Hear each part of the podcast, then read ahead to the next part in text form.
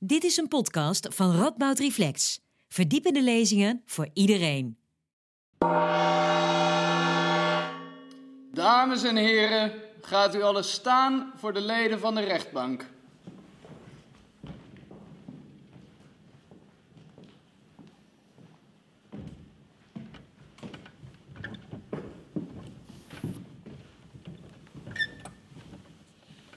Gaat u zitten.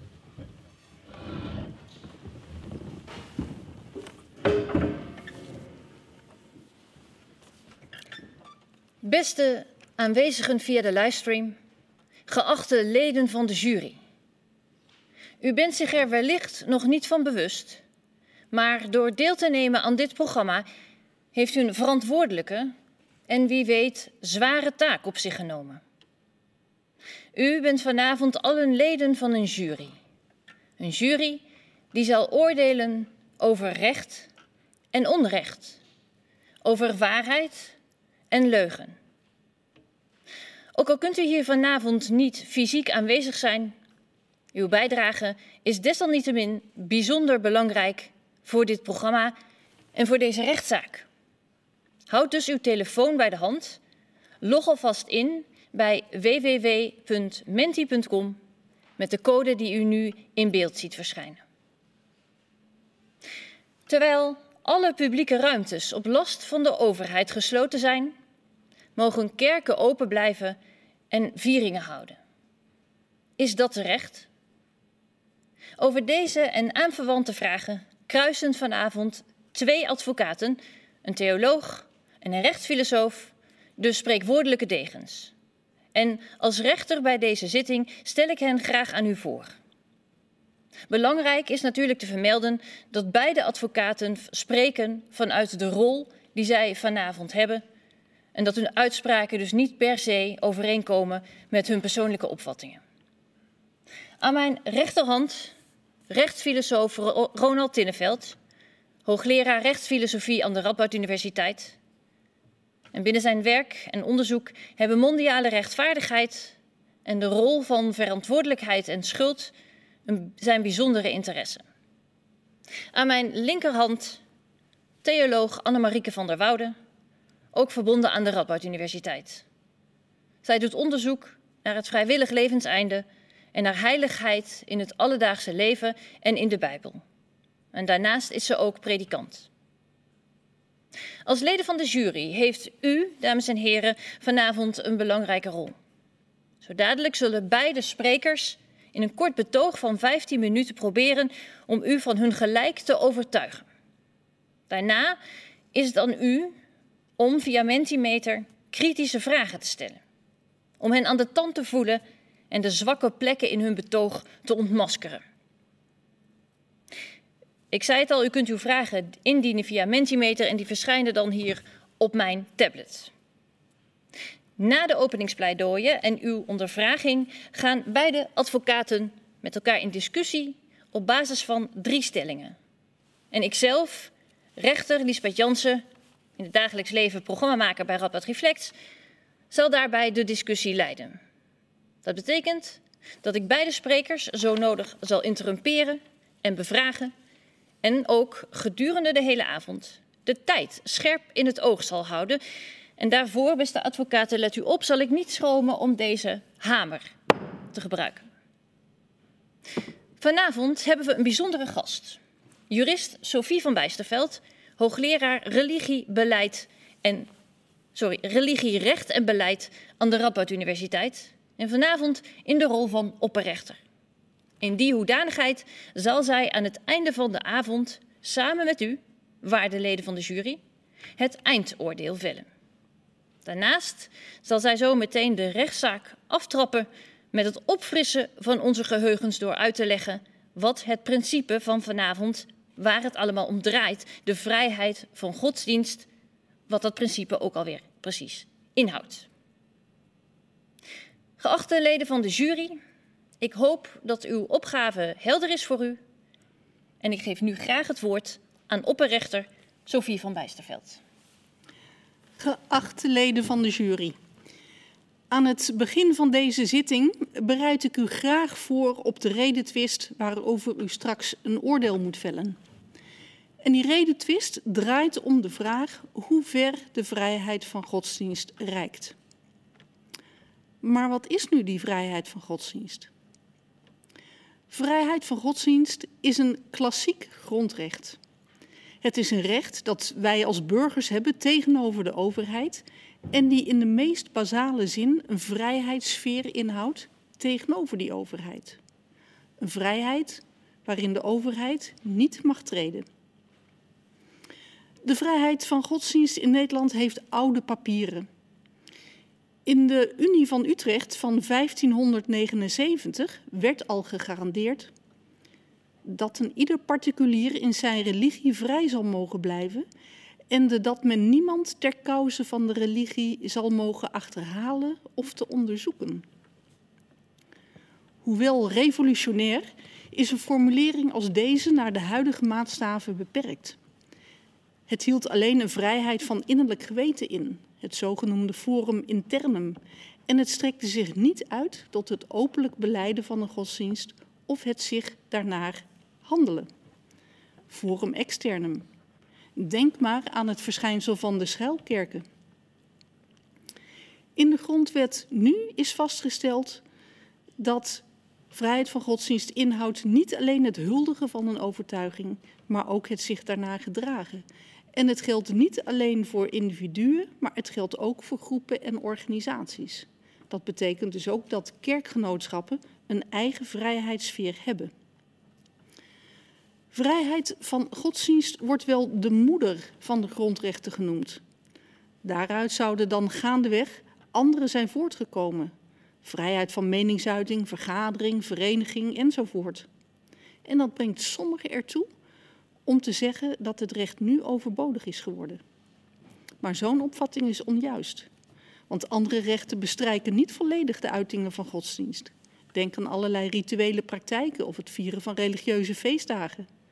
Maar het zou ook verwrongen zijn om een reëel verschijnsel als godsdienst niet als zodanig te betitelen. Het huwelijk wordt in het recht bijvoorbeeld ook als zodanig benoemd en niet alleen omschreven als privacy of contractenrecht. Het is belangrijk dat de overheid grondrechten erkent. Want het is niet aan de overheid om te bepalen wat wij moeten geloven en wat dit voor ons dagelijks leven betekent. De overheid is er voor de burgers en wij, burgers, zijn er niet voor de overheid. Dat is een belangrijke gedachte die in de grondrechten besloten ligt. Er is een grens aan de macht van de overheid, zeker in geestelijke zaken. Vrijheid van godsdienst heeft een belangrijke plaats in de Nederlandse geschiedenis.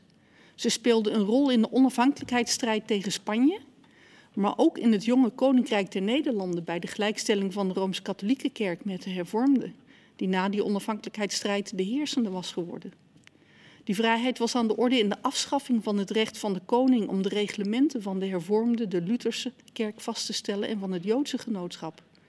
En in alle fasen van de zogenoemde schoolstrijd. Vrijheid van godsdienst blijft actueel. In de twee eeuwen na de totstandkoming van het koninkrijk deden zich steeds weer nieuwe kwesties voor waarbij godsdienst een rol speelt godsdienstvrijheid een rol speelt, tot op de dag van vandaag. Vrijheid van godsdienst is van belang in een rechtsstaat. Ook in de internationale verdragen is die vrijheid van godsdienst erkend. En welvarende landen zijn doorgaans ook vrijere landen. Vrijheid van godsdienst is ook geen privilege. Net zo min als de vrijheid van vereniging een privilege is voor alleen mensen die lid zijn van een vereniging. Of de vrijheid van meningsuiting een privilege is alleen voor mensen die een mening hebben. Is de vrijheid van godsdienst absoluut? Nee. Net als alle vrijheidsrechten mag ook de vrijheid van godsdienst beperkt worden door de wetgever. Daarbij moet de wetgever wel aan een aantal criteria voldoen. Vrijheidsrechten zijn rechten tegenover de overheid. Ze zijn er niet voor om de meerderheid te beschermen, maar juist voor minderheden, ook al schuurt het wel eens. Net als geldt voor andere vrijheidsrechten, zou het vreemd zijn wanneer de wetgever, tegen wie de vrijheid juist verdedigd moet worden, met één pennenstreek zomaar die vrijheid ongedaan zou kunnen maken. Maar hoe ver reikt die vrijheid dan? Daarover gaat dit twistgesprek. Dank u wel, waarde collega opperrichter. Dan geef ik graag het woord aan advocaat Ronald Tinneveld. Oké, dank u wel. Goed, uh, mevrouw de rechter, mevrouw de opperrechter, geachte leden van de jury. Vandaag zijn we hier zowel fysiek als digitaal bijeengekomen om een belangrijke vraag aan u voor te leggen. Moeten kerken het recht hebben op een uitzonderingspositie op de door de overheid gestelde regels in coronatijd? We hoeven de ophef over de veelbesproken Sionkerk op Urk of de Miraskerk in Krimpen aan de IJssel, waar talloze kerkgangers die ondanks alle gezondheidsrisico's toch massaal bijeenkwamen, maar in herinnering te brengen om te weten hoe actueel deze vraag is en hoe sterk dit probleem mensen bezighoudt. Ik zal u er vandaag van proberen te overtuigen dat het enige juiste en overtuigende antwoord op deze vraag een duidelijk nee is. Nee, kerken zouden geen recht op een uitzonderingspositie moeten hebben. Regels opgesteld om de gezondheid van ons allen te beschermen, of we het daar nou mee eens zijn of niet, dienen voor iedereen te gelden of voor niemand. U zult zich er echter terdege bewust van moeten zijn dat we vandaag bespreken datgene wat niet alleen te maken heeft met de Sionkerk of de Miraskerk, maar dat we het vandaag hebben ook over de normatieve fundamenten van onze rechtsstaat. Van datgene wat we allemaal waardevol vinden en datgene wat we allemaal belangrijk zouden moeten vinden. Van datgene waar we allemaal een verantwoordelijkheid voor dragen, of we nou religieus zijn of niet. De vraag voor vandaag is tevens hoe we onze samenleving op basis van het recht op een rechtvaardige manier kunnen inrichten en welke verantwoordelijkheid wij daarvoor dragen. Drie argumenten zal ik aan u voorleggen. Drie argumenten om aan te tonen hoe belangrijk godsdienst of levensovertuiging ook is, dit niet betekent dat we loyaliteit ten aanzien van de rechtsstaat en de bescherming van de gezondheid van een ieder simpelweg terzijde kunnen schuiven. Gehoorzaamheid aan Gods woord staat niet boven gehoorzaamheid aan de wet. Mijn drie argumenten zijn: het belang van de volksgezondheid eindigt niet bij de muren van de kerk. De digikerk vormt een acceptabel alternatief voor de fysieke kerk en geen vrijheid zonder verantwoordelijkheid. En die drie argumenten ga ik dadelijk uitwerken. Echter wil ik eerst kort schetsen wat er op het spel staat. Want het uitgangspunt voor mijn drie argumenten wordt gevormd door het fundamentele document van onze rechtsstaat, de Grondwet. Deze belangrijke wet beschermt immers het recht van kerkgangers om naar de kerk te gaan, zelfs in coronatijd. Dat gebeurt specifiek in artikel 6, dat handelt over het recht op godsdienstvrijheid. Hoewel we allemaal geacht worden de grondwet te kennen, is het toch goed om nog even te horen wat er in artikel 6 staat. Lid 1. Ieder heeft het recht zijn godsdienst of levensovertuiging individueel of in gemeenschap met anderen vrij te beleiden, behoudens iedere verantwoordelijkheid volgens de wet. Lid 2. De wet kan ter zake van de uitoefening van dit recht buiten gebouwen en besloten plaatsen regels stellen ter bescherming van de gezondheid in het belang van het verkeer en ter bestrijding of voorkoming van wanordelijkheden. Het probleem zit hem in die volgende paar woorden. Buiten gebouwen en besloten plaatsen. Op de website van de Rijksoverheid wordt dit als volgt omschreven. Mensen die samenkomen voor een geloof of levensovertuiging zijn uitgezonderd van de maatregelen voor samenkomsten. Dit betekent dat er geen regels zijn voor het maximaal aantal personen in een kerk, moskee, synagoge of ander gebedshuis. Ook is er geen verbod op zingen.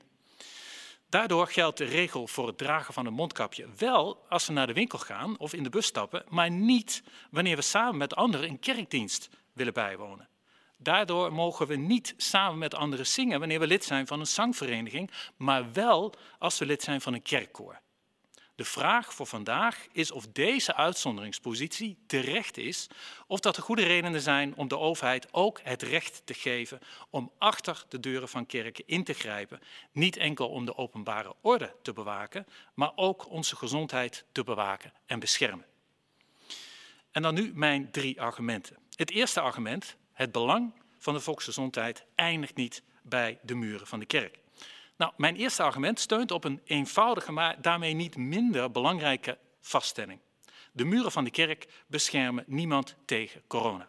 Zowel de kerkgangers zelf niet, als ook de rest van de bevolking niet. Infectieziektes zijn niet gevoelig voor de grenzen van gebouwen en besloten plaatsen.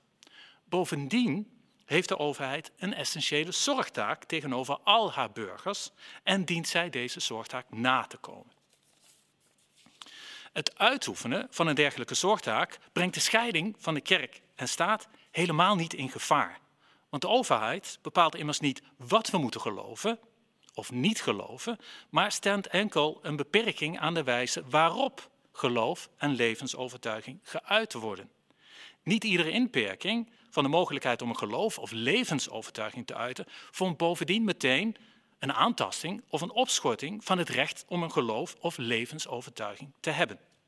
Bovendien wordt een dergelijke inperking op basis van de volksgezondheid reeds erkend in het Europese recht, waar wij ook als Nederland aan gebonden zijn. Zo staat in artikel 9, lid 2 van het Europees Verdrag tot bescherming van de rechten van de mens en de fundamentele vrijheden het volgende.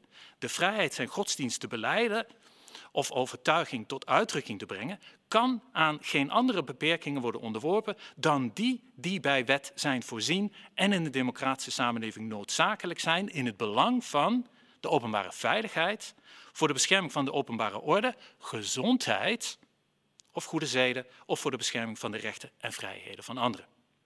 Mijn tweede argument.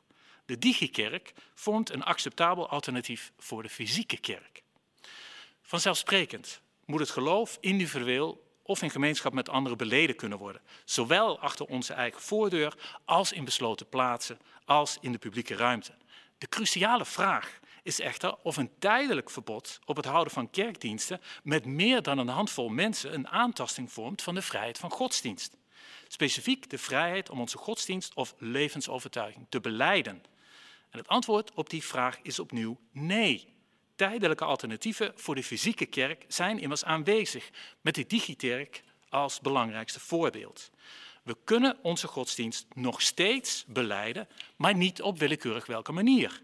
Waar het om gaat, is dat we voldoende mogelijkheden hebben om onze godsdienst of levensovertuiging te kunnen beleiden, maar niet dat ons alle opties om dat te doen ter beschikking staan. Vanzelfsprekend, denk ik, zullen de meesten van ons zeggen dat de digitale kerk geen volwaardig of op de langere termijn wenselijk alternatief is voor de fysieke kerk. Net zoals digitaal onderwijs geen volwaardig of op de langere termijn wenselijk alternatief is voor fysiek onderwijs. Op de kortere termijn echter vormt die digitale kerk echter wel een alternatief voor die fysieke kerk. Net zoals het digitale onderwijs een alternatief vormt voor het fysieke onderwijs. Dan mijn derde en laatste argument. Geen vrijheid zonder verantwoordelijkheid.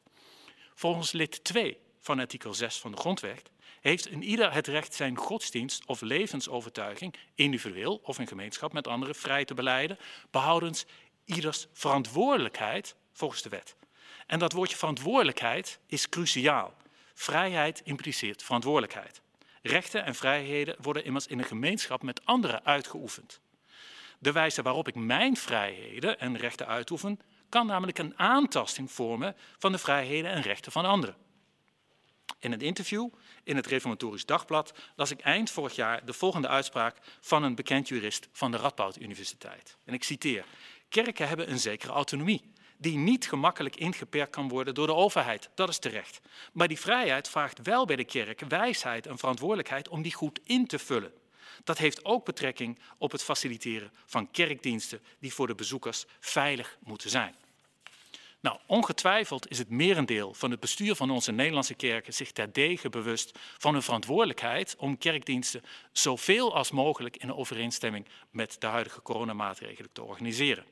Vaak gebeurt dat voor uh, de optie van een digikerk te kiezen. Soms door alle coronamaatregelen in acht te nemen bij de fysieke kerk, maar soms gebeurt dat helaas ook echter niet. Nou, mijn argument is dat de verantwoordelijkheid van kerken niet met zich meebrengt dat ze diensten op een veilige manier organiseren, voor zover dat eigenlijk mogelijk is. Maar veel eer dat ze de verantwoordelijkheid nemen om kerken voorlopig voor fysieke kerkdiensten te sluiten. Verantwoordelijkheid nemen betekent op dit punt geen gebruik maken van de uitzonderingspositie die kerken juridisch hebben. Vrijheid van godsdienst is een vrijheid in de dubbele betekenis van het woord. Vrijheid om je eigen godsdienst te kunnen beleiden, maar ook de vrijheid om niet de godsdienst van een ander opgedrongen te krijgen of daar de nadelige effecten van te ondervinden. En vanzelfsprekend is het tegenargument dat kerkdiensten perfect op een veilige manier georganiseerd kunnen worden. Maar dat is niet wat vandaag op het spel staat.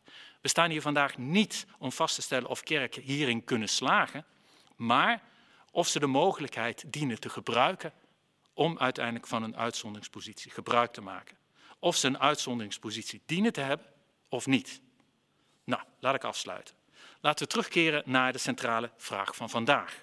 Moeten kerken het recht hebben op een uitzonderingspositie op de door de overheid gestelde regels in coronatijd? Ik hoop u, geachte leden van de jury, ervan overtuigd te hebben dat het enige juiste en fatsoenlijke antwoord op deze vraag een duidelijk en onomstotelijk nee is. Voor dat nee heb ik drie argumenten gegeven. Het belang van volksgezondheid eindigt niet bij de muren van de kerk. De digikerk vormt een acceptabel alternatief voor de fysieke kerk en geen vrijheid zonder verantwoordelijkheid. Wat mij nog rest is het volgende. Vrijheid van godsdienst is een cruciale bouwsteen van onze rechtsorde en onze rechtsstaat. Daar dient niet aan getornd te worden. Deel uitmaken van een kerk en het bijwonen van kerkdiensten is voor veel burgers essentieel voor hun identiteit en voor de betekenis van hun leven. Dat verdient respect. Wat we echter niet moeten vergeten, is dat de vrijheid van godsdienst een dubbele verantwoordelijkheid met zich meebrengt. Een verantwoordelijkheid van de niet-religieuze burger om het belang van de vrijheid van godsdienst te erkennen en te respecteren. En een verantwoordelijkheid voor de religieuze burger om met de gezondheid van een ieder rekening te houden en in deze geen gebruik te maken van de uitzonderingspositie die kerken juridisch hebben. Daarmee, geachte leden van de jury, eindig ik mijn betoog en kijk ik graag uit naar uw vragen. Bedankt voor uw tijd en aandacht. Dank je, Tinneveld. Ja, beste leden van de jury, u hoorde het al. U kunt via menti.com en met de code die u in beeld ziet verschijnen uh, vragen stellen aan de heer Tinneveld. Uh, zolang die binnenkomen, zal ik beginnen met een eerste uh, eigen vraag. Um, u begon met het argument dat de volksgezondheid niet eindigt bij de kerkdeur het belang van volksgezondheid. Um, er is misschien een overeenkomst te maken met het feit dat de overheid ook niet actief ingrijpt in ons eigen privéleven achter de voordeur. Dus de overheid geeft ons voorschriften, uh, hoopt dat wij ons daaraan houden, niet meer dan twee mensen op zoek uh, per dag. Maar er komen geen BOA's bij ons aanbellen uh, om, te om te kijken of wij ons daadwerkelijk aan die regels houden. Misschien is het een goed een goede, goed, is het een goed idee om die twee situaties met elkaar te vergelijken? Kun je niet zeggen.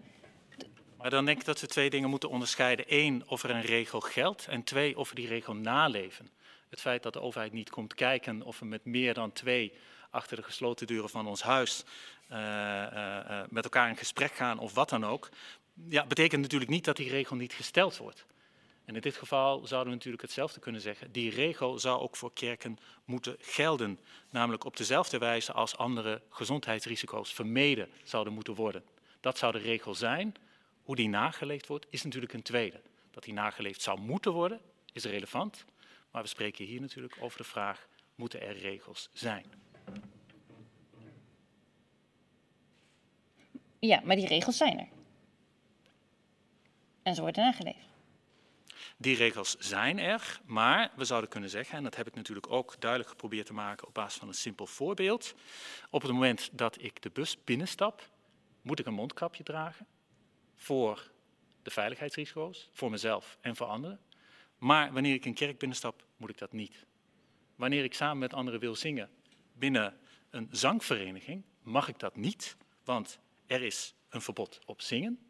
Maar stap ik die kerkdeuren binnen, en ben ik lid van een kerkkoor, dan gelden die regels niet. Dus er zijn regels, maar de vraag is of die regels eigenlijk niet op iedereen van toepassing moeten zijn en dus ook voor kerkgebouwen zouden moeten gelden. Dank. Ik laat het hier even bij, want er komen vragen binnen vanuit de jury en die geef ik nu voorrang. Um, iemand zegt op basis waarvan bepaalt u eigenlijk, meneer uh, Tinneveld, uh, wat een goed alternatief is voor kerkdienst, is dat, een, dat een online viering een goed alternatief is uh, voor een fysieke bijeenkomst? Absoluut. Uh, dat is een hele goede vraag. Dus wie gaat hier over de vraag wat een volwaardig alternatief is? Dus ik heb ook niet gesteld dat dit een volwaardig alternatief is. Ik heb het duidelijk geprobeerd te maken dat dit op de korte termijn een reëel alternatief is om je geloof te kunnen beleiden. Op de langere termijn zou ik dat geen volwaardig alternatief noemen en ook geen wenselijk alternatief. Maar de vraag is of er op de korte termijn een andere manier mogelijk is om ons geloof of onze levensovertuiging te uiten. En als die mogelijkheid er is om toch samen te komen, ook al is het digitaal, dan is dat een mogelijk alternatief. Vandaag komen wij hier ook fysiek gedeeltelijk, maar ook grotendeels digitaal bijeen. Is dat een volwaardig alternatief voor het hebben van een jury hier in de zaal? Nee. Maar is dat een mogelijk alternatief om hier uiting te kunnen geven aan het belang van debatteren? Ja. Dank u. Om daar even op door te vragen. Uh, u noemde inderdaad het belang van de gemeenschap voor het uitoefenen van, van geloof. Ik denk dat u daar misschien een beetje te kort door de bocht bent gegaan. Uh, in de zin van, is het niet juist van vitaal belang voor iedere geloofsgemeenschap om samen te mogen komen? En is het zeg maar in je eigen huiskamer moeten kijken van een livestream? Uh, daarmee gaat een essentieel onderdeel van een viering verloren. Absoluut. Maar dat zal ik ook niet ontkennen en dat hoef ik ook niet te ontkennen om het punt te maken dat ik maak. Het gaat er niet om dat het niet belangrijk is om je geloof samen met anderen te kunnen uiten. Om deel uit te maken van een gemeenschap. Om daar je identiteit aan te ontlenen. Waar het om gaat is of we op de korte termijn grenzen mogen stellen uit naam van de volksgezondheid om dat soort fysieke bijeenkomsten tijdelijk niet te organiseren. En dus we spreken niet over het feit of het recht op godsdienstvrijheid waardevol is. We spreken ook niet over het feit of het belangrijk is om dat te kunnen uiten. We spreken enkel en alleen over de vraag of we nu, als we letten op volksgezondheid, een tijdelijke uitzondering kunnen maken voor kerken om niet gebruik te kunnen maken van die fysieke kerkdiensten als manier om het geloof of de godsdienst te kunnen uiten. Dank u. Ik ga even door naar de vragen van de jury. Uh, iemand zegt religieuze rituelen, zoals de heilige communie, moeten fysiek plaatsvinden om te gebeuren. Hoe ziet u dat digitaal plaatsvinden? Dat is een hele, een hele goede vraag. Een digitale hostie is natuurlijk geen optie. Um, en opnieuw, en dan ben ik flauw om datzelfde punt te maken. Vanzelfsprekend vond die Digikerk geen volwaardig alternatief. Dat merkt u terecht op. Maar het feit dat we toch uiting kunnen geven aan ons geloof, dat we toch bij elkaar kunnen komen, al is het maar digitaal, is een optie. Net zoals digitaal onderwijs een optie is. Terwijl we allemaal erkennen dat het voor onze kinderen, als we die hebben, uiteindelijk van cruciaal belang is om samen te komen. Dus in die zin is de digikerk een volwaardig alternatief? Nee. Is het een wenselijk alternatief? Nee. Is het beter en misschien de enige juiste manier om dat fysiek te doen, ja. Wat betekent dat? Dat we uiteindelijk geen regels kunnen stellen die de volksgezondheid beschermen? Nee. Dank u. Ik ga over naar een laatste vraag uit de jury, alvorens ik het woord geef aan advocaat Annemieke van der Woude. Die vraag luidt: Maakt u niet een subjectieve afweging tussen een geloofsovertuiging en de voor u belangrijkere volksgezondheid? Dat is een, een hele goede vraag. Um, als ik zou kijken naar uh, het Europese verdrag dat ik heb genoemd en ervan uit zou gaan dat daar een objectief oordeel aan ten grondslag ligt, dan lezen we daar natuurlijk heel duidelijk dat niet alleen de openbare veiligheid en de openbare orde redenen zijn om hier restricties aan te brengen, maar ook de gezondheid. En in die zin is volksgezondheid een reële en overtuigende reden om ook hier beperkingen op te leggen aan de wijze waarop het geloof of levensovertuigingen geuit worden. Is dat louter mijn subjectieve overtuiging? Nee. Ik wijs hier naar Europese regelgeving waar ook wij allen uiteindelijk aan onderworpen en in zekere zin dus ook gebonden aan zijn. Ik dank u wel, heer Tinneveld.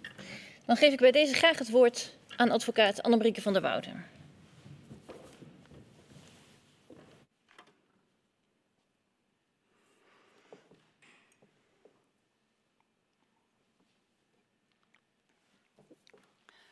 Mevrouw de rechter, mevrouw de opperrechter, geachte leden van de jury. Ik wil de sigaar kunnen weigeren. Ik hoop u aan het einde van mijn pleidooi duidelijk te maken wat ik die, met die opmerking bedoel. Ik wil de sigaar kunnen weigeren. Maar eerst de argumenten in verband met de vraag die ons vanavond bezighoudt. Moeten kerken het recht hebben op een uitzonderingspositie op de door de overheid gestelde coronaregels. Natuurlijk moeten kerken open blijven in coronatijd. Al meer dan een jaar wordt ons leven beheerst door corona. Met de regelmaat van de klok verschijnen de demissionaire bewindslieden Mark Rutte en Hugo de Jonge op televisie om ons bij te praten. Over het aantal besmettingen, over de bezetting van de IC-bedden, over de druk op de zorg, over de Britse, de Braziliaanse, de Indiase variant, over de corona-app en het dashboard, de field labs en de vaccinatiestrategie, over de versoepelingen en waarom de terrassen wel en de sportscholen niet. Wij, u en ik, wij zijn gereduceerd tot mogelijke bron van besmetting en het potentiële gevaar dat we vormen voor mensen in onze omgeving. Heeft u corona gehad? Bent u al gevaccineerd? In deze crisis, met een dominant medisch discours, is een ander perspectief meer dan welkom. Een perspectief dat oog heeft voor heel de mens. Wij zijn sociale dieren. Door corona moeten we ons veel ontzeggen. Spontane ontmoeting, nabijheid, fysiek contact. En daar leidt een mens aan. Eenzaamheid, huidhonger, isolement. Ik hoef u de voorbeelden niet te noemen. Om nog maar te zwijgen van het grote verdriet van diegenen die, in plastic gehuld, afscheid moesten nemen van een geliefde. En die, als gevolg van de beperkende maatregelen, maar met een handjevol een kring rond de kist konden vormen. In deze omstandigheid, waarin we noodgedwongen van een aspect van ons mens zijn zijn beroofd, dragen plekken van verbeelding en bezinning in niet geringe mate bij aan onze mentale gezondheid. En de kerk is zo'n plek. Ik hoor het u al zeggen. U zult tegenwerpen plekken van bezinning en verbeelding, die zijn er meer. Het Concertgebouw, het Rijks, de Vereniging, Museum het Valkhof. Zij gesloten, de kerken open. Waarom? En zou je in onze sterk geseculariseerde samenleving, waarin de kerk nog slechts een marginale rol speelt, niet juist moeten betogen dat het artikel uit onze grondwet dat de vrijheid van godsdienst en levensovertuiging formuleert, zou je dan niet juist moeten bepleiten in onze geseculariseerde samenleving dat dat artikel achterhaald is en wel geschrapt kan worden? Dat, met andere woorden, de kerken hun uitzonderingspositie in zaken de coronaregels zouden moeten opgeven. De kerk is niet de enige plek. Ik zal de eerste zijn om te beamen dat de beleving van de kunsten, muziek, theater, toneel, beeldende kunst, dat de beleving van de kunsten heilzaam is voor een mens. Dat het je uitteelt boven het alledaagse. Schoonheid die troost biedt en zo bijdraagt aan je welbevinden. Toch valt de kerk met deze voorbeelden niet volledig samen. Het grondwetsartikel maakt dat zelf in zijn woordkeus duidelijk. Ieder mens heeft het recht om zijn of haar godsdienst of levensovertuiging vrij te beleiden. Het gaat mij om dat woordje beleiden. Daarin klinkt het passieve element van lijden door. En dat lijkt op het eerste gehoor tegenstrijdig, want beleiden is toch juist actief, expliciet je uitspreken. De filosoof Cornelis Verhoeven zegt daarover.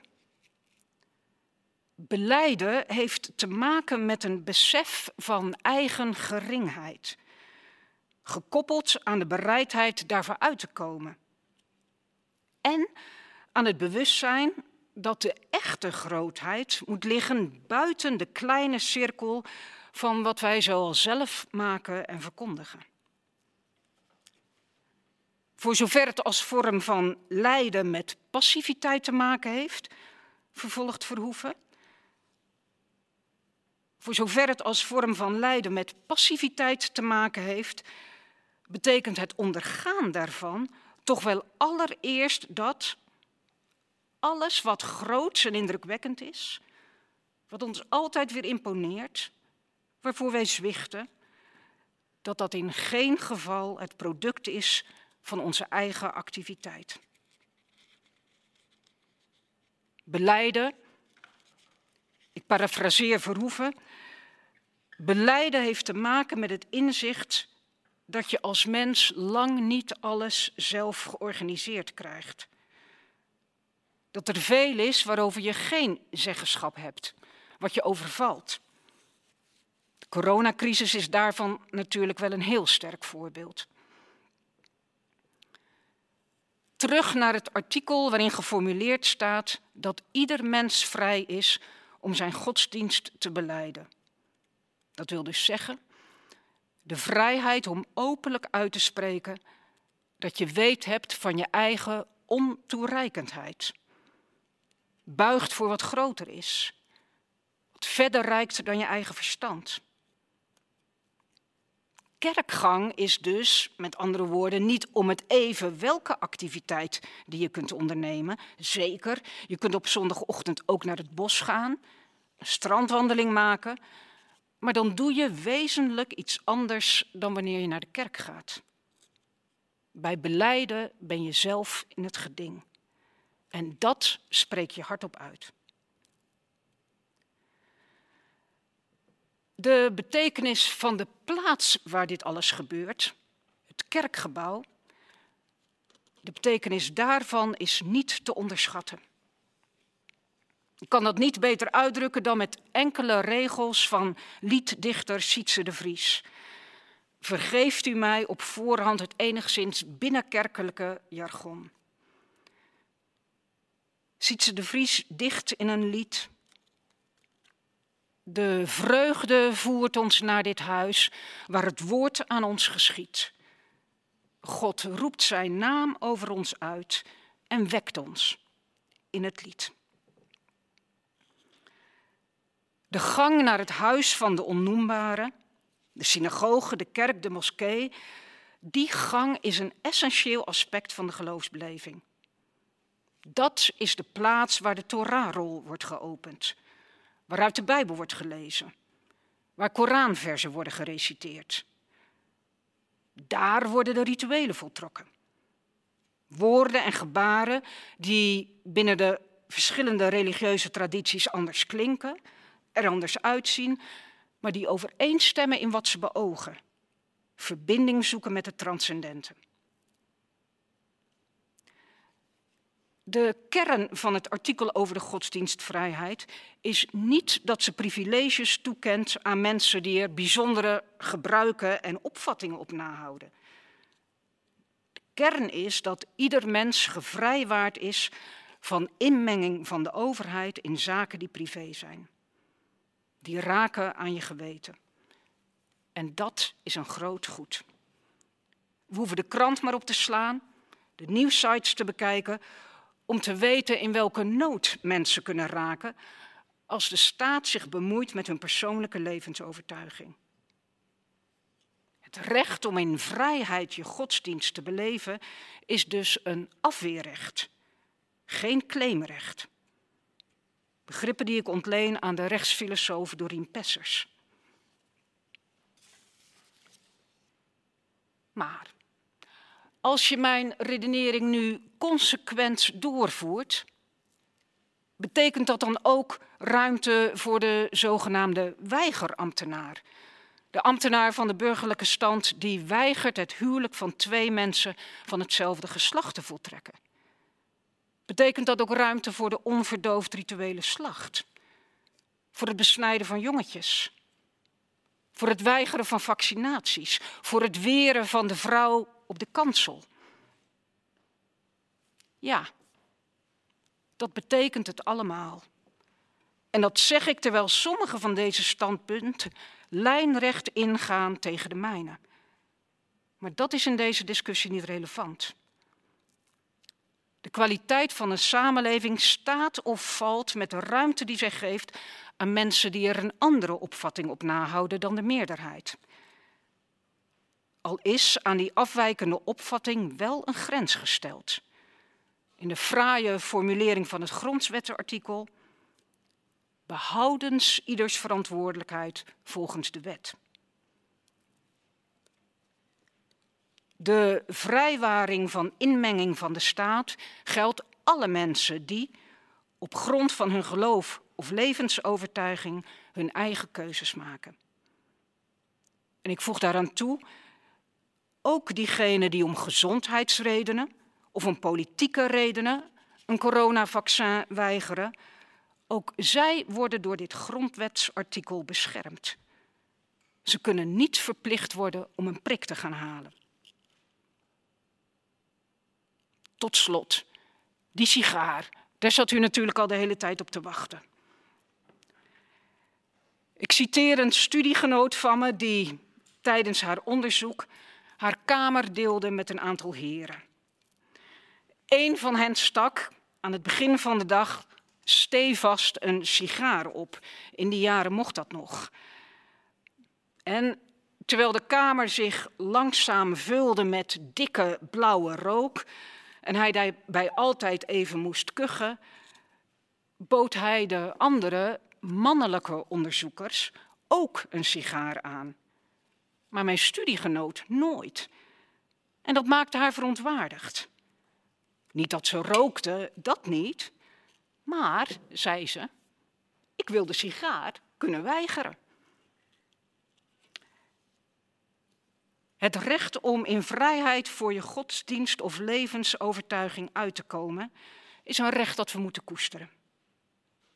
Maar die geloofsgemeenschappen die uit solidariteit met al die plekken van bezinning en verbeelding die door de coronaregels nog gesloten moeten blijven, geloofsgemeenschappen die de hun aangeboden sigaar weigeren, die kunnen rekenen op mijn waardering. Dank u wel voor deze spreektijd. Dank u wel, mevrouw Van der Wouden. Blijft u nog even staan, dan gaan we over naar de vragen van de jury. En beste juryleden, stuur die ook vooral in, uh, nog steeds. Um, ik ga meteen beginnen met een eerste vraag die is uh, binnengekomen. Um, Pravaseer even, want het is een vraag. Ik maak er even een stelling van. Vindt u dat bijeenkomsten van humanisten onder hetzelfde regime zouden moeten vallen als uh, de kerken? Want de grondwet spreekt immers over godsdienst uh, sorry, spreekt over godsdienst en levensbeschouwing. Ja, dat vind ik. Ja, daar kan ik eigenlijk heel kort over zijn. Dus ook samenkomsten, want het humanisme is een levensovertuiging. Uh, dus die mensen die op grond daarvan als humanisten onder elkaar willen samenkomen, daar willen spreken over wat hen bezighoudt en wat ze met elkaar willen delen, die zouden, wat mij betreft, vallen ook onder dit grondwetsartikel. En zouden het recht moeten hebben en van het recht gebruik kunnen maken om in vrijheid samen te komen. Ook in coronatijd. Dan ga ik die vergelijking even iets verder trekken. Want u maakte net zelf de relatie met de transcendente. Um, humanisten geloven niet in God. Er zijn heel veel mensen voor wie sport en hun lichaam zo ongeveer een soort, als een soort religie beleden wordt. Zou u dan ook zeggen, sportscholen moeten ook open blijven? Als ik nee zeg, dan loop ik het risico dat ik uh, ruzie krijg met het thuisfront. Maar ik ben niet van mening dat. Ik kan voor sportscholen niet dezelfde redenering uh, hanteren als ik voor kerk, moskee, synagogen en het Humanistisch Verbond heb gedaan. En dat kan ik niet op grond van wat ik heb gezegd, mij baserend op de filosoof Cornelis Verhoeven, op wat ik heb gezegd over beleiden. Dus wat je doet, en dat doen humanisten ook, wat je doet als je in vrijheid je geloof of levensovertuiging beleiden wilt, is dat je jezelf plaatst binnen een groter geheel. Dat je weet hebt van je eigen ontoereikendheid daarin en dat je de behoefte hebt om in een samenkomst duidelijk te maken dat je als mens niet alles zelf in de hand hebt. Ik heb in mijn betoog gezegd, je bent zelf in het geding. Dat is wanneer je gaat sporten in een sportschool anders. Dank u wel. Ik ga naar, het volgende, naar de volgende vraag. Um, iemand zegt, ik ben niet religieus en ik ben op die manier dus niet gevrijwaard van inmenging van de overheid en gelovigen wel. Ik vind dat discriminatie. Wilt u daarop reageren? Ja, dat vind ik wel. Uh, dat is een, um, um, een goede stelling. Ik denk alleen niet dat het waar is. Want in artikel 6 van de grondwet staat: ieder mens heeft de vrijheid, is, heeft het recht om in vrijheid zijn of haar godsdienst of levensovertuiging te beleiden. Dus het is niet zo, het gaat niet per se om een religieuze levensovertuiging. Ook mensen die niet religieus zijn, we noemden het voorbeeld van humanisten, maar ook andere, de kring van antroposofen mag op grond van dit wetsartikel ook in vrijheid samenkomen. Dus het is niet zo dat, het is ook niet een privilege van mensen die christelijk, joods, moslim zijn. Dat is het niet. Iedere levensovertuiging die, waar, waar de behoefte uit voortvloeit om samen te komen en daarin je overtuiging met elkaar te delen, valt onder dit uh, artikel van vrijheid van godsdienst of levensovertuiging. En dan kom ik toch nog even terug, ook namens een jurylid, uh, op de vergelijking met de kunsten. Uh, iemand zegt, in hoeverre is kunst geen poging om het transcendente te bereiken? Sterker nog, zou je niet kunnen stellen dat kunst ook beleden zou kunnen worden? Hele goede vraag.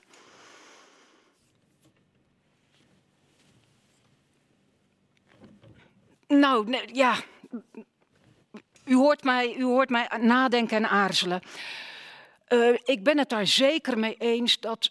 En ik weet dat dat voor heel veel mensen geldt. Geldt overigens voor mij persoonlijk ook. Dat het beleven van kunst, in welke vorm dan ook, dat daar een hele troostende werking van uit kan gaan. Dat dat zelf, zelfs ook iets kan oproepen. Er is meer in deze wereld dan alleen het platte vlak. Er moet iets hoger zijn. Ik zou niet zo ver willen gaan als de, het jurylid stelt dat je ook kunst zou kunnen beleiden. Dat beleiden daarvan, dat reserveer ik voor godsdienst of levensovertuiging. Dank. Ik ga even kijken, want er komen allerlei vragen binnen vanuit de jury. Uh, oh.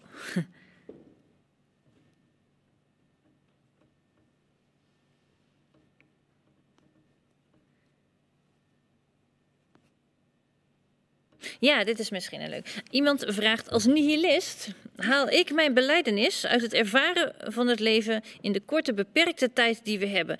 Hoe mag ik dan de sigaar weigeren?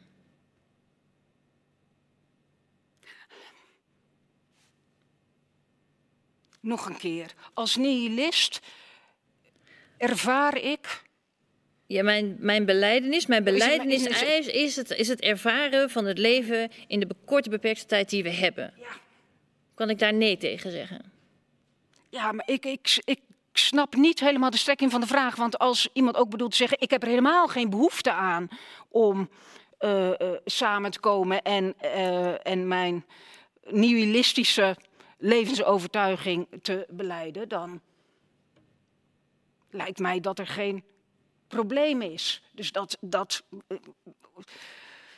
dus dat die persoon in alle vrijheid kan zeggen: ik, ik hoef die sigaar niet. Ik hoef daar geen, van dat recht om samen te komen, hoef ik geen gebruik te maken. Maar misschien begrijp ik de vraag niet. Goed, kunt u mij helpen, rechter?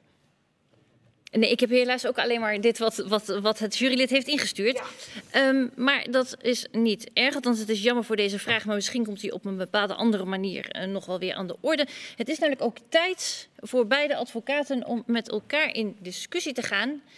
Um, en dat gaan we doen aan de hand van twee à drie stellingen. Ik hoop dat u uh, daar uh, toe bereid bent. En we beginnen met de eerste stelling. En dan vraag ik aan mijn collega of ik die even in beeld mag krijgen.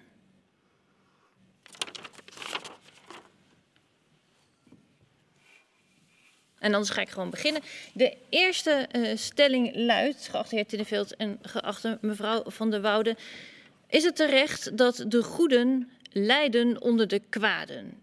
Anders gezegd, de meeste kerken zijn ofwel gesloten, ofwel ze houden zich netjes aan de regels van maximaal 30 personen, mondkapjes op, niet zingen, etc. Is het terecht dat we dan deze discussie voeren? Moeten kerken alsnog gesloten worden, terwijl de, eh, het overtreden van de regels in feite een uitzonderingsgeval is? Misschien mag ik u als eerste het woord geven, meneer Tinneveld. Oké, dan denk ik dat er twee dingen zijn die ik zou willen opmerken. Moeten de goede lijden onder de kwade? Zou het eerste plaats zeggen dat de goede er vrijwillig voor zouden kiezen om in naam van het belang van verantwoordelijkheid niet fysiek bijeen te komen. Dus in die zin worden hier de goede niet geraakt. Die komen niet bijeen. De goede lijden niet onder de kwaad. Op de tweede plaats denk ik... Ik ga u heel even onderbreken, want u hebt gelijk als, het, als u ervan uitgaat dat kerken niet open zijn. Maar als het gaat over de kerken die wel open zijn, maar binnen de gestelde maatregelen, dus 30 mensen, mondkapje, et cetera... En zij zouden nu gesloten worden omdat er gevallen zijn waarin hè, veel meer mensen uh, uh, samenkomen en zich niet aan de regels houden. Dan uh, lijden deze goeden onder de kwade, toch?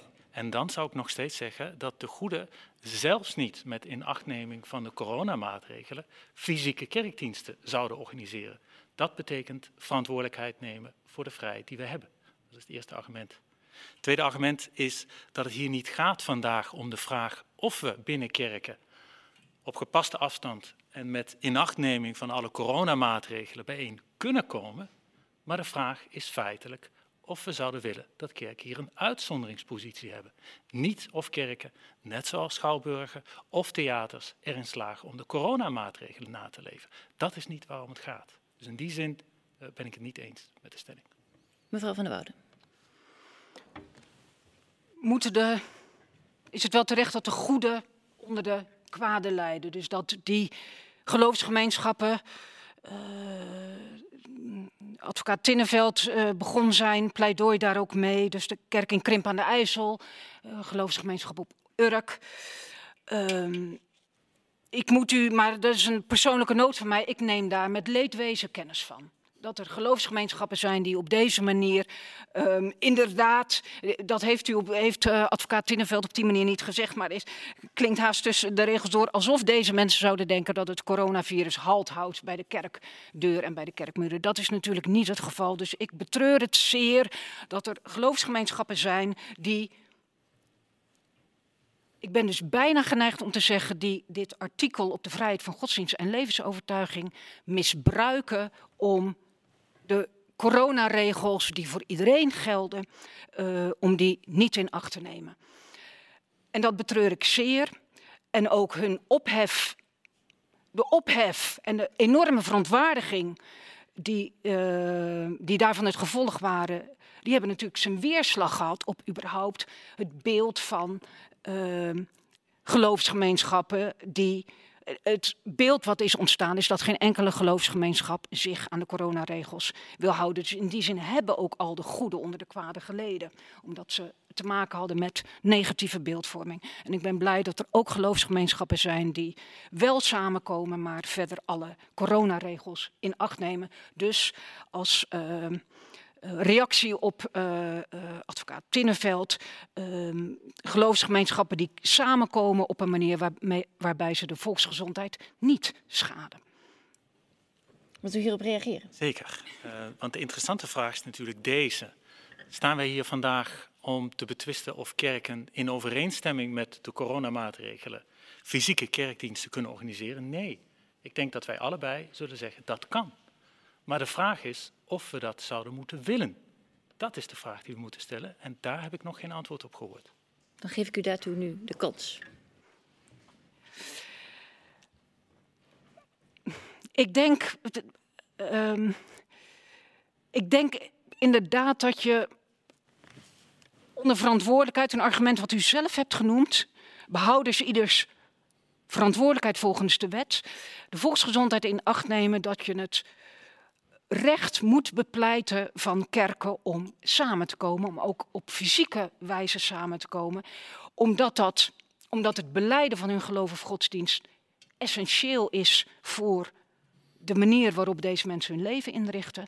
En omdat het ook, waarmee ik mijn pleidooi begon, een, ons allen helpt om ons te realiseren dat wij niet volledig, iedere burger in Nederland, dat wij niet volledig samenvallen met het dominant medische mensbeeld wat voortdurend in de coronacrisis gehanteerd wordt. Mens is meer dan alleen maar een bron van besmetting.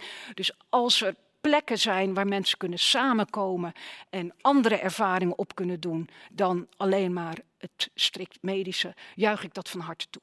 Dank u wel.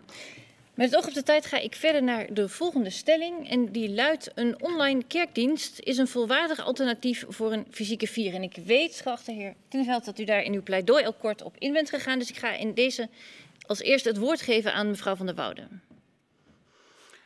Een online kerkdienst is een volwaardig alternatief voor uh, een fysieke samenkomst. Dat is de stelling. Nee, dat is die. Nee, dat, dat is. Uh, um, ik ben het met die stelling absoluut niet eens.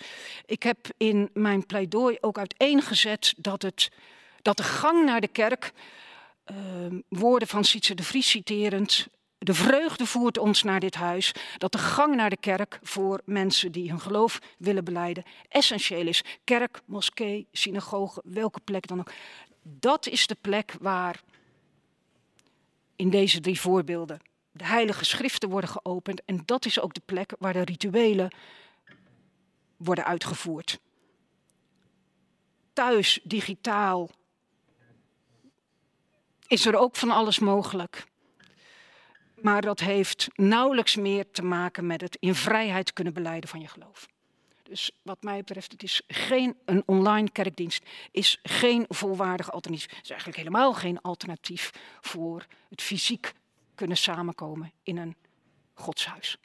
Nu denk ik dat u voor een deel met de redenering van mevrouw van der Woude mee kunt gaan, behalve in dat laatste. Waarin zij zegt, het is zeker, het is überhaupt geen alternatief voor een fysieke viering. Nu vind ik het interessant dat uh, mijn geachte opponent, die een vlammend betoog hield voor het belang van het kunnen beleiden van je geloof, waar ik helemaal in meega, toch uiteindelijk stelt dat een online kerkdienst geen alternatief is voor een fysieke viering. Een vraag uit nieuwsgierigheid, hoe geeft u als predikant zelf uiting aan de mogelijkheid om een kerkdienst te organiseren?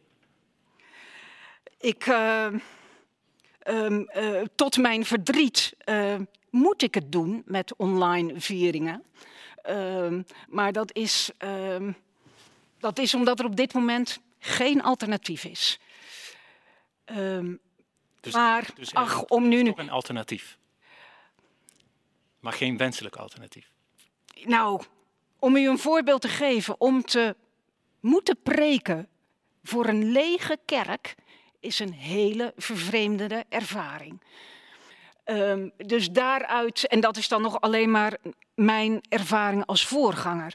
Um, maar evengoed is het voor gemeenteleden heel vreemd om um, hun godsdienst te kunnen beleven met een stem die tot hen komt in de huiskamer of aan de keukentafel. Nee, dus uh, uh, strikt genomen, het is een alternatief. Maar een alternatief waar ik zo snel mogelijk van af zou willen. En geen volwaardig alternatief, wil ik zeggen. Verre van. En daar bent u het? Ik ben het daar absoluut mee eens. Maar de vraag is of het voorlopig een reëel alternatief is om uiteindelijk het pleidooi te kunnen beslechten of kerken hier een uitzonderingspositie zouden moeten hebben of niet. Dank u wel, allebei. We gaan door naar de laatste stelling.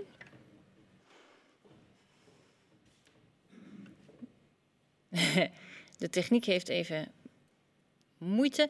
Dan ga ik even uit mijn hoofd opdiepen wat de laatste stelling was. Oh ja, de laatste stelling is dat uh, artikel 6, de vrijheid van godsdienst, uh, in een tijd waarin de meeste mensen seculier zijn, eigenlijk ook wel geschrapt zou kunnen worden en vervangen of vallen onder uh, het artikel dat zegt dat ieder een recht heeft op de vrijheid van meningsuiting. Graag hierop uw visie en dan begin ik in dit geval weer bij meneer Tinneveld. Oké, ehm, ik kan in deze eigenlijk heel gemakkelijk uh, de agnost zijn. Um, of wij vrijheid van godsdienst kunnen laten vallen onder vrijheid van meningsuiting. Ik kan daar in wezen ja of nee op zeggen, zonder dat dat van invloed gaat zijn op mijn uitspraak over de stelling van vandaag. Maar goed, uh, om toch uh, wat meer kijk in eigen ziel te geven. Ik zou zeggen dat wij artikel 6 niet kunnen scharen onder vrijheid van meningsuiting. Vrijheid van beleiden van godsdienst is iets anders dan het beleiden of het uiten van een mening. Kunt u dat expliciteren? In hoeverre verschilt dat van het uiten van een mening? Ik denk dat mijn uh, waarde opponent daar heel mooi mee begonnen is in haar betoog. En ook Verhoeven in deze uh, mooi heeft aangehaald dat het hier gaat om het beleiden wat uiteindelijk ook te maken heeft met, en dan kijk ik heel even mijn notities na, vooral uh, met het uh, idee dat wij uiteindelijk een bepaalde mate van geringheid hebben. Besef van onze geringheid heeft uiteindelijk ook te maken met het geloof. En daar zit iets wezenlijk anders en iets wezenlijks, uh, wellicht waardevols in dan het uiten van een mening. Mevrouw van der Wouden, graag uw perspectief. Ja, uh, in dit geval uh, nader ik mijn uh, geachte opponent heel dicht. Ik ben ook van mening dat het artikel over de vrijheid van meningsuiting helemaal niet samenvalt met het artikel over de vrijheid van godsdienst en levensovertuiging. Ik heb het artikel over de vrijheid van meningsuiting er nog even op nageslagen en dat formuleert als volgt. Niemand heeft vooraf verlof nodig voor het openbaren van gedachten of gevoelens, behoudens ieders verantwoordelijkheid volgens de wet. Er komt die mooie formulering uit artikel 6 ook weer terug. Dus dat artikel over de vrijheid van meningsuiting expliciteert dat je vrij bent om wat je vindt of wat je voelt in openbaarheid uit te spreken, voor je mening uit te komen. Degene die suggereert dat die twee artikelen wel tegen elkaar weggestreept kunnen worden, dat vrijheid van godsdienst uh, geschaard kan worden om vrijheid van meningsuiting, reduceert de vrijheid van godsdienst, of beleiden van je geloof of levensovertuiging tot een kwestie van mening, die je al dan niet uh, uh, wilt uiten. Nou, ik hoop in mijn pleidooi voldoende duidelijk te hebben gemaakt dat dat. dat het beleiden van je geloof zo heel veel meer is dan alleen maar het uiten van je mening. Dat in dat beleiden ook een element van passiviteit zit. Dat is er iets van. Het heeft een element van het kunnen gaan naar een plek waar je met elkaar het geloof beleidt. Maar het is ook de plek waar de rituelen worden voltrokken. Dus dat zijn allemaal elementen die tonen dat de vrijheid van godsdienst en levensovertuiging zo heel veel meer waarborgt dan alleen de vrijheid van meningsuiting.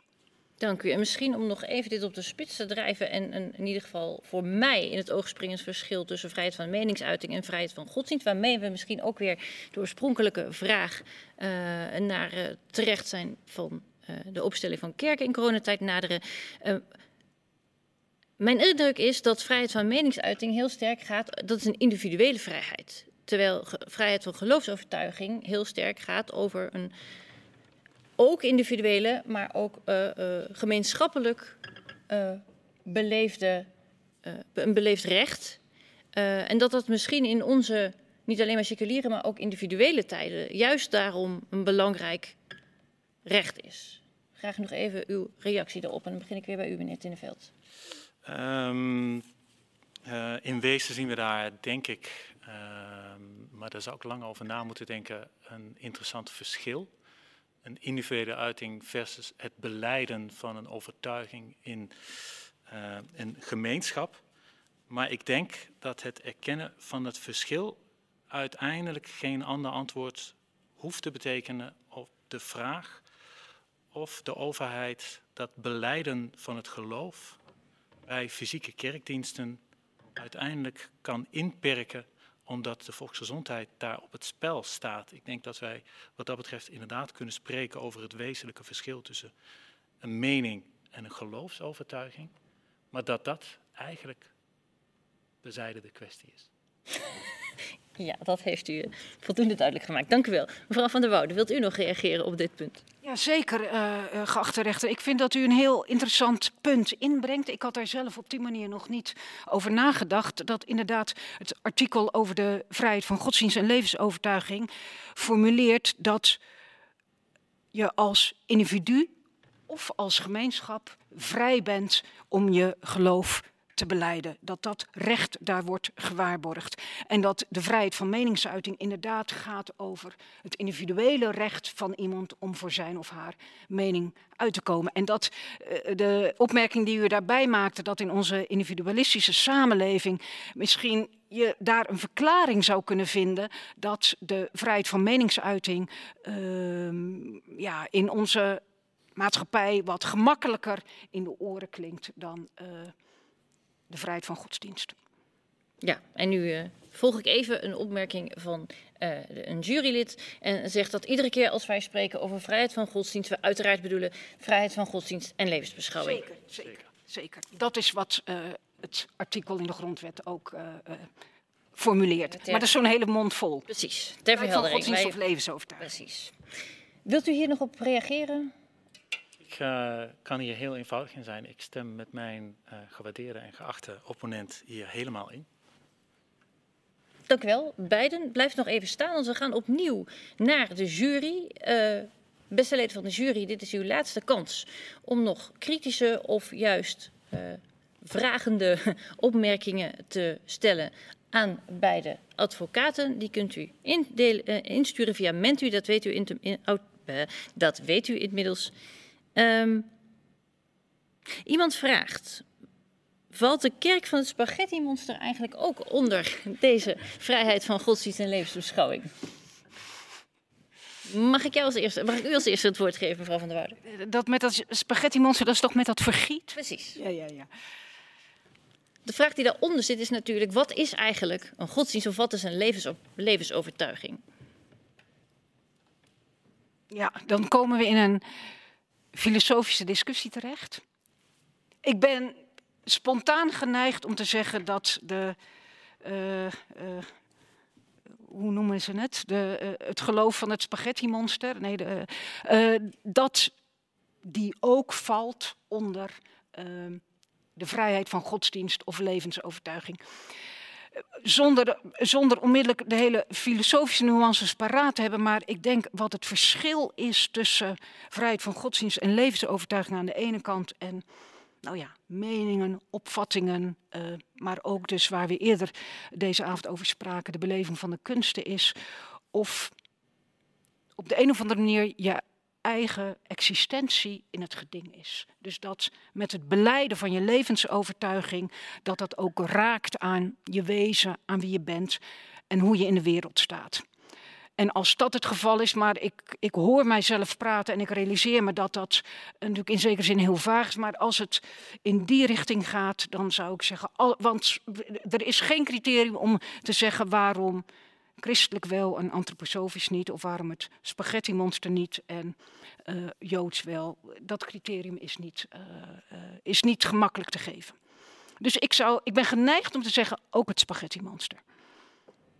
Maar volgens mij heeft u daar wel degelijk argumenten voor aangeleverd. Namelijk ten eerste dat het moet gaan om iets wat je zelf overstijgt, waarbij je jezelf kleiner maakt. Dus er moet iets zijn waarbij, dus niet zoals bij, bij sport, hè, waarbij het in feite alleen maar gaat om jezelf, maar iets om wat groter is dan jezelf. Uh, en het tweede argument dat u aandroeg,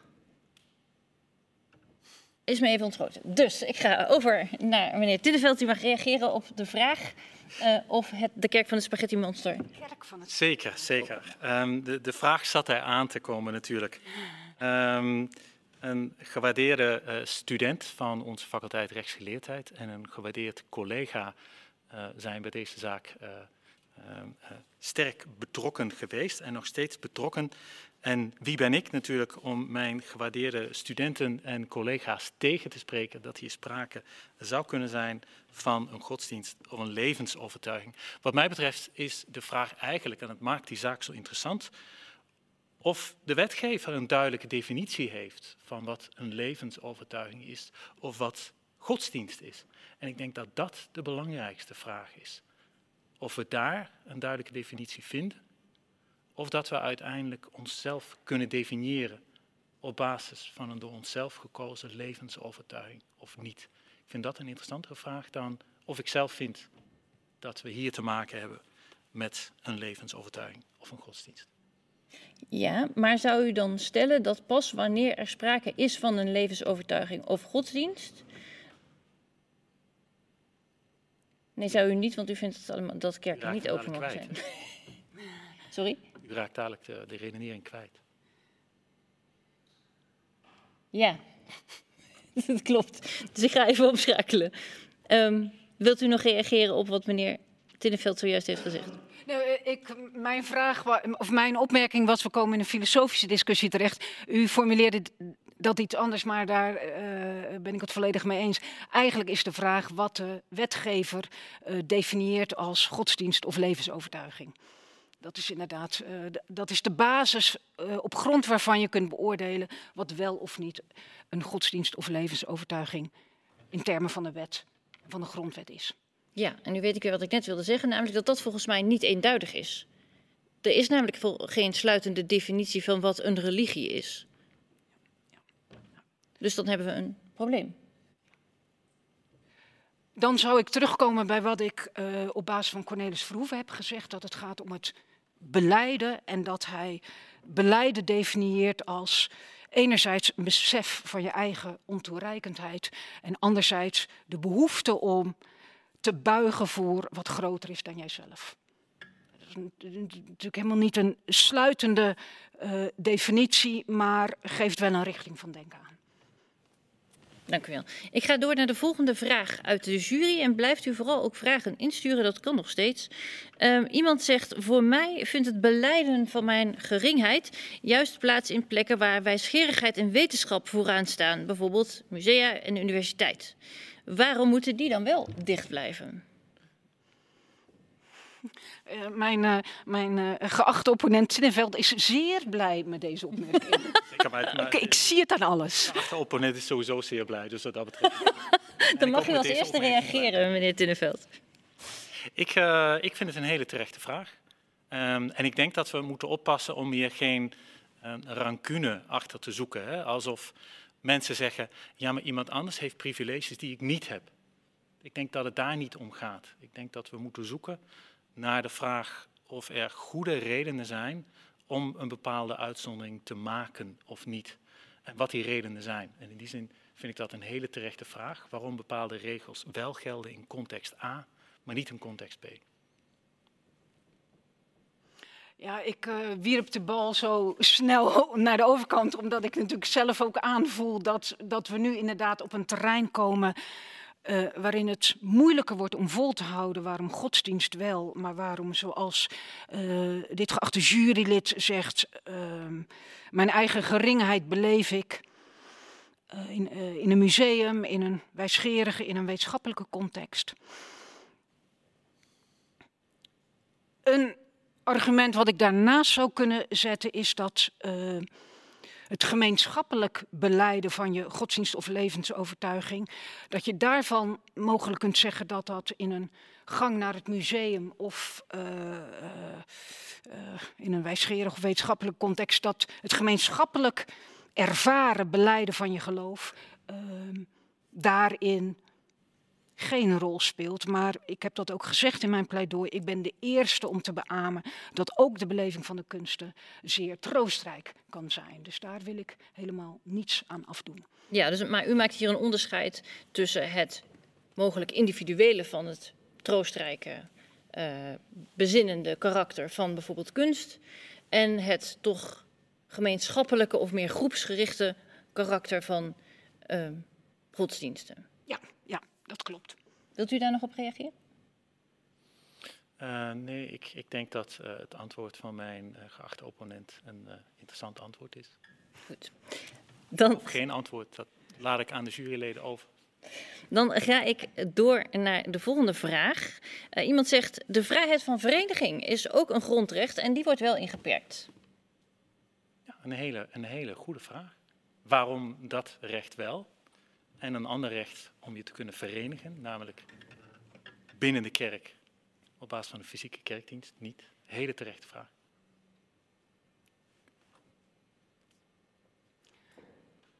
De vrijheid van vereniging wordt wel ingeperkt. Ja, dat is, dat is op een andere manier, maar dan in, in juridische termen uh, geformuleerd waar we het al een aantal keren over hebben gehad. Dus je kunt niet samenkomen, wat mijn uh, collega Tinneveld ook al in zijn pleidooi noemde. Je kunt niet samenkomen in het Bachkoor of in het popkoor, maar je kunt wel samenkomen om te zingen in een kerk.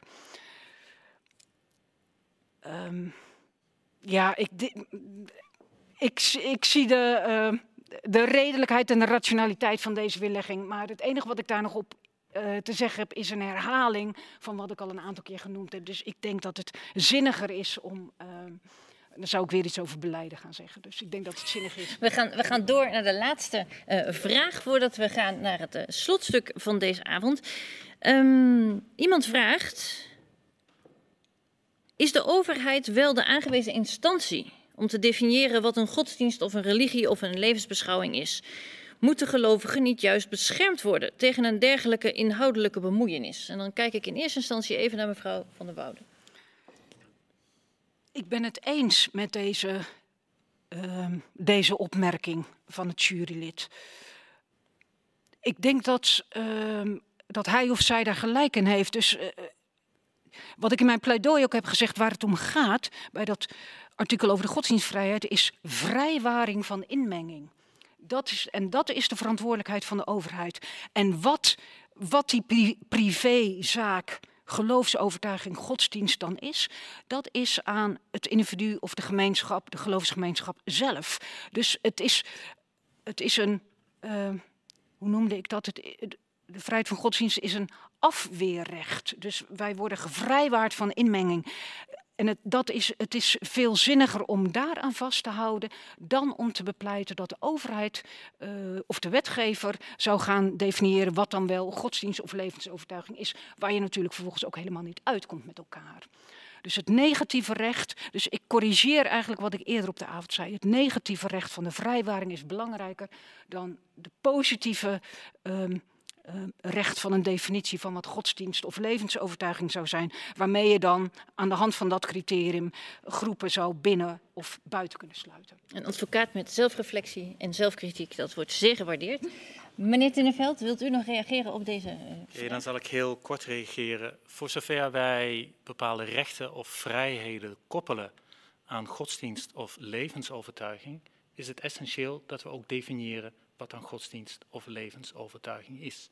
Dus als er in artikel 6 staat en ieder heeft het recht zijn godsdienst of levensovertuiging te beleiden, behouden ieders verantwoordelijkheid volgens de wet, dan moeten we weten wat godsdienst is. Dan moeten we weten wat een levensovertuiging is. Ja, maar dat laat in principe onverlet de vraag wie dat dan definieert dan uh, laat dat. Het uh, moeilijke van de kwestie is natuurlijk dat wanneer je dat overlaat aan individuen zelf op basis van hun sub subjectieve overtuigingen, we uiteindelijk geen gedeeld concept of begrip hebben van wat dan godsdienst of levensovertuiging is. En daarmee een zeer wankele basis om te spreken over het recht op vrijheid van godsdienst. Dank u wel. Dames en heren, geachte collega, opperrechter, advocaat Tinneveld en advocaat van de Woude, beste leden van de jury. We zijn, we zijn toegekomen aan het sluitstuk van deze avond. Beide advocaten zullen zo dadelijk nog één keer een poging doen om u te winnen voor hun eigen standpunt in het befaamde slotpleidooi. Let u vooral goed op welke spreker u het beste heeft overtuigd, hoe zijn of haar standpunten misschien afwijken van de ideeën die u had voor u deze rechtszaal uh, binnenging. Um, ja, en na het slotpleidooi kunnen er geen vragen meer worden gesteld. Uh, mevrouw van der Woude, ik geef u als eerste het woord voor uw slotpleidooi. Hartelijk dank.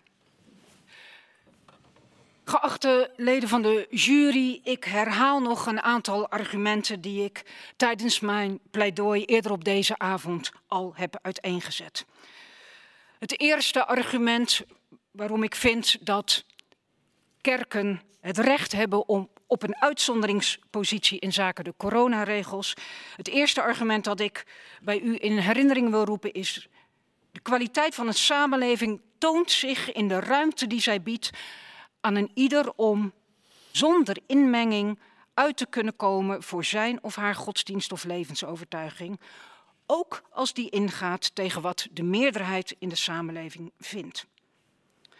Mijn tweede argument dat ik u vanavond heb gepresenteerd luidt: je geloof beleiden, je levensovertuiging beleiden, is niet om het even welke activiteit, maar eentje waarbij de mens existentieel betrokken is.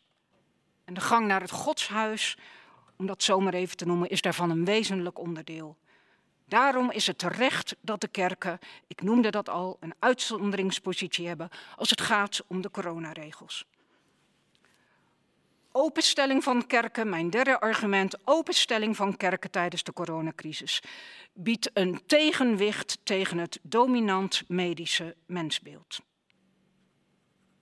En tot slot, geloofsgemeenschappen die uit hun verantwoordelijkheid volgens de wet de conclusie trekken dat zij afzien van hun recht en uit solidariteit de deuren gesloten houden, die dus de hen aangeboden sigaren weigeren, die geloofsgemeenschappen verdienen begrip en respect.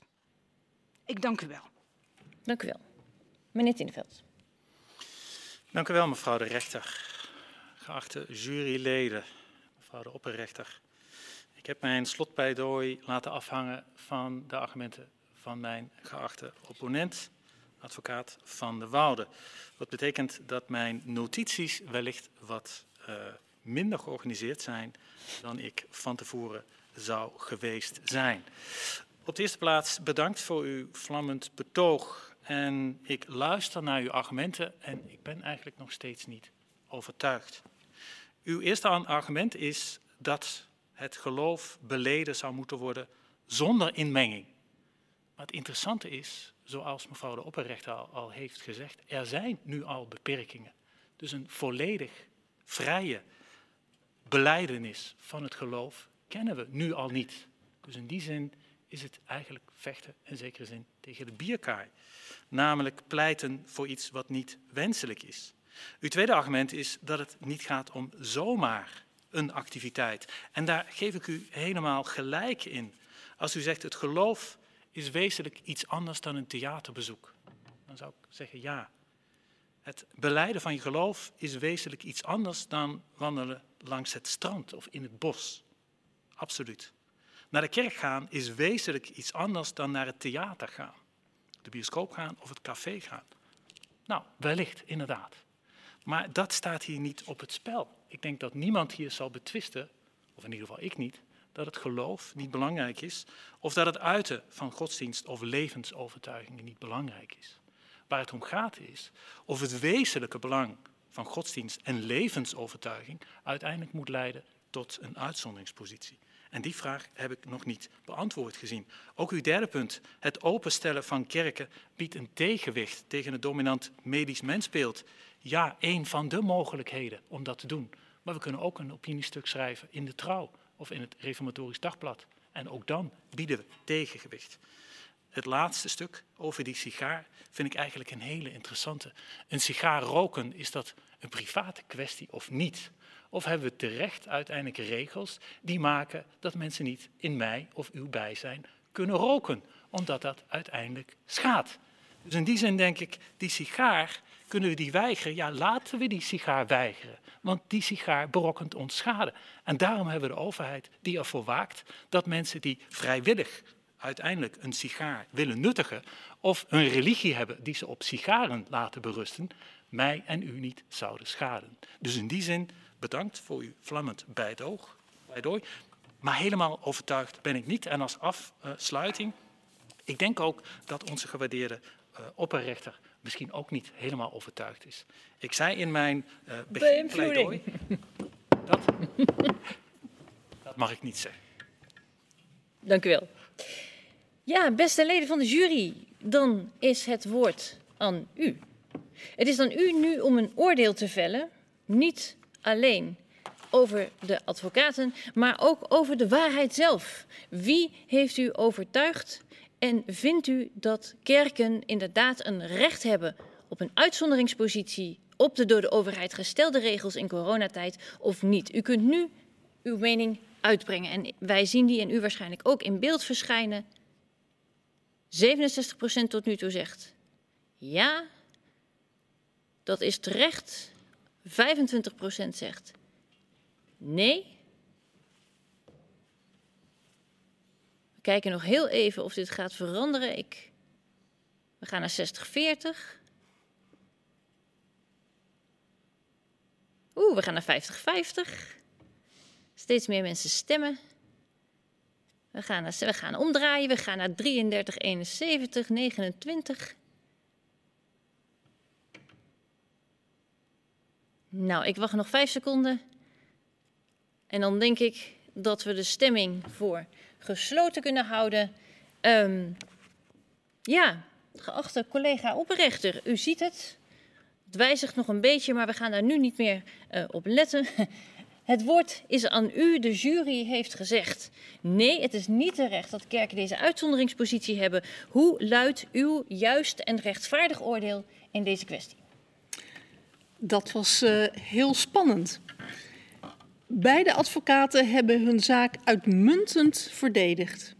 En zonder daarbij mijn eigen inhoudelijke oordeel over deze zaak een rol te laten spelen, merk ik op dat advocaat Annemarieke van der Woude het minder populaire standpunt ook op een eloquente manier sterk beargumenteerd heeft. Maar als opperrechter volg ik natuurlijk het oordeel van de jury en ik concludeer dan ook dat advocaat Ronald Tinneveld dit twistgesprek heeft gewonnen. Dat is mijn oordeel. Daar moeten we het mee doen. Beste juryleden, beste advocaat, u hebt het gehoord. Het feit dat kerken open mogen blijven in coronatijd is bij deze onterecht verklaard. Rest mij jullie, Sophie van Bijsterveld, Ronald Tinneveld en Annemarieke van der Woude, heel hartelijk te danken voor jullie bijdrage, jullie vurige pleidooien en kordate optredens tijdens deze rechtszaak.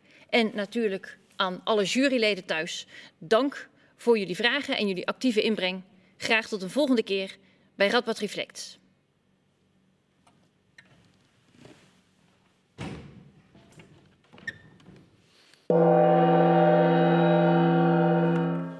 Gaat u nog eenmaal staan voor de leden van de rechtbank.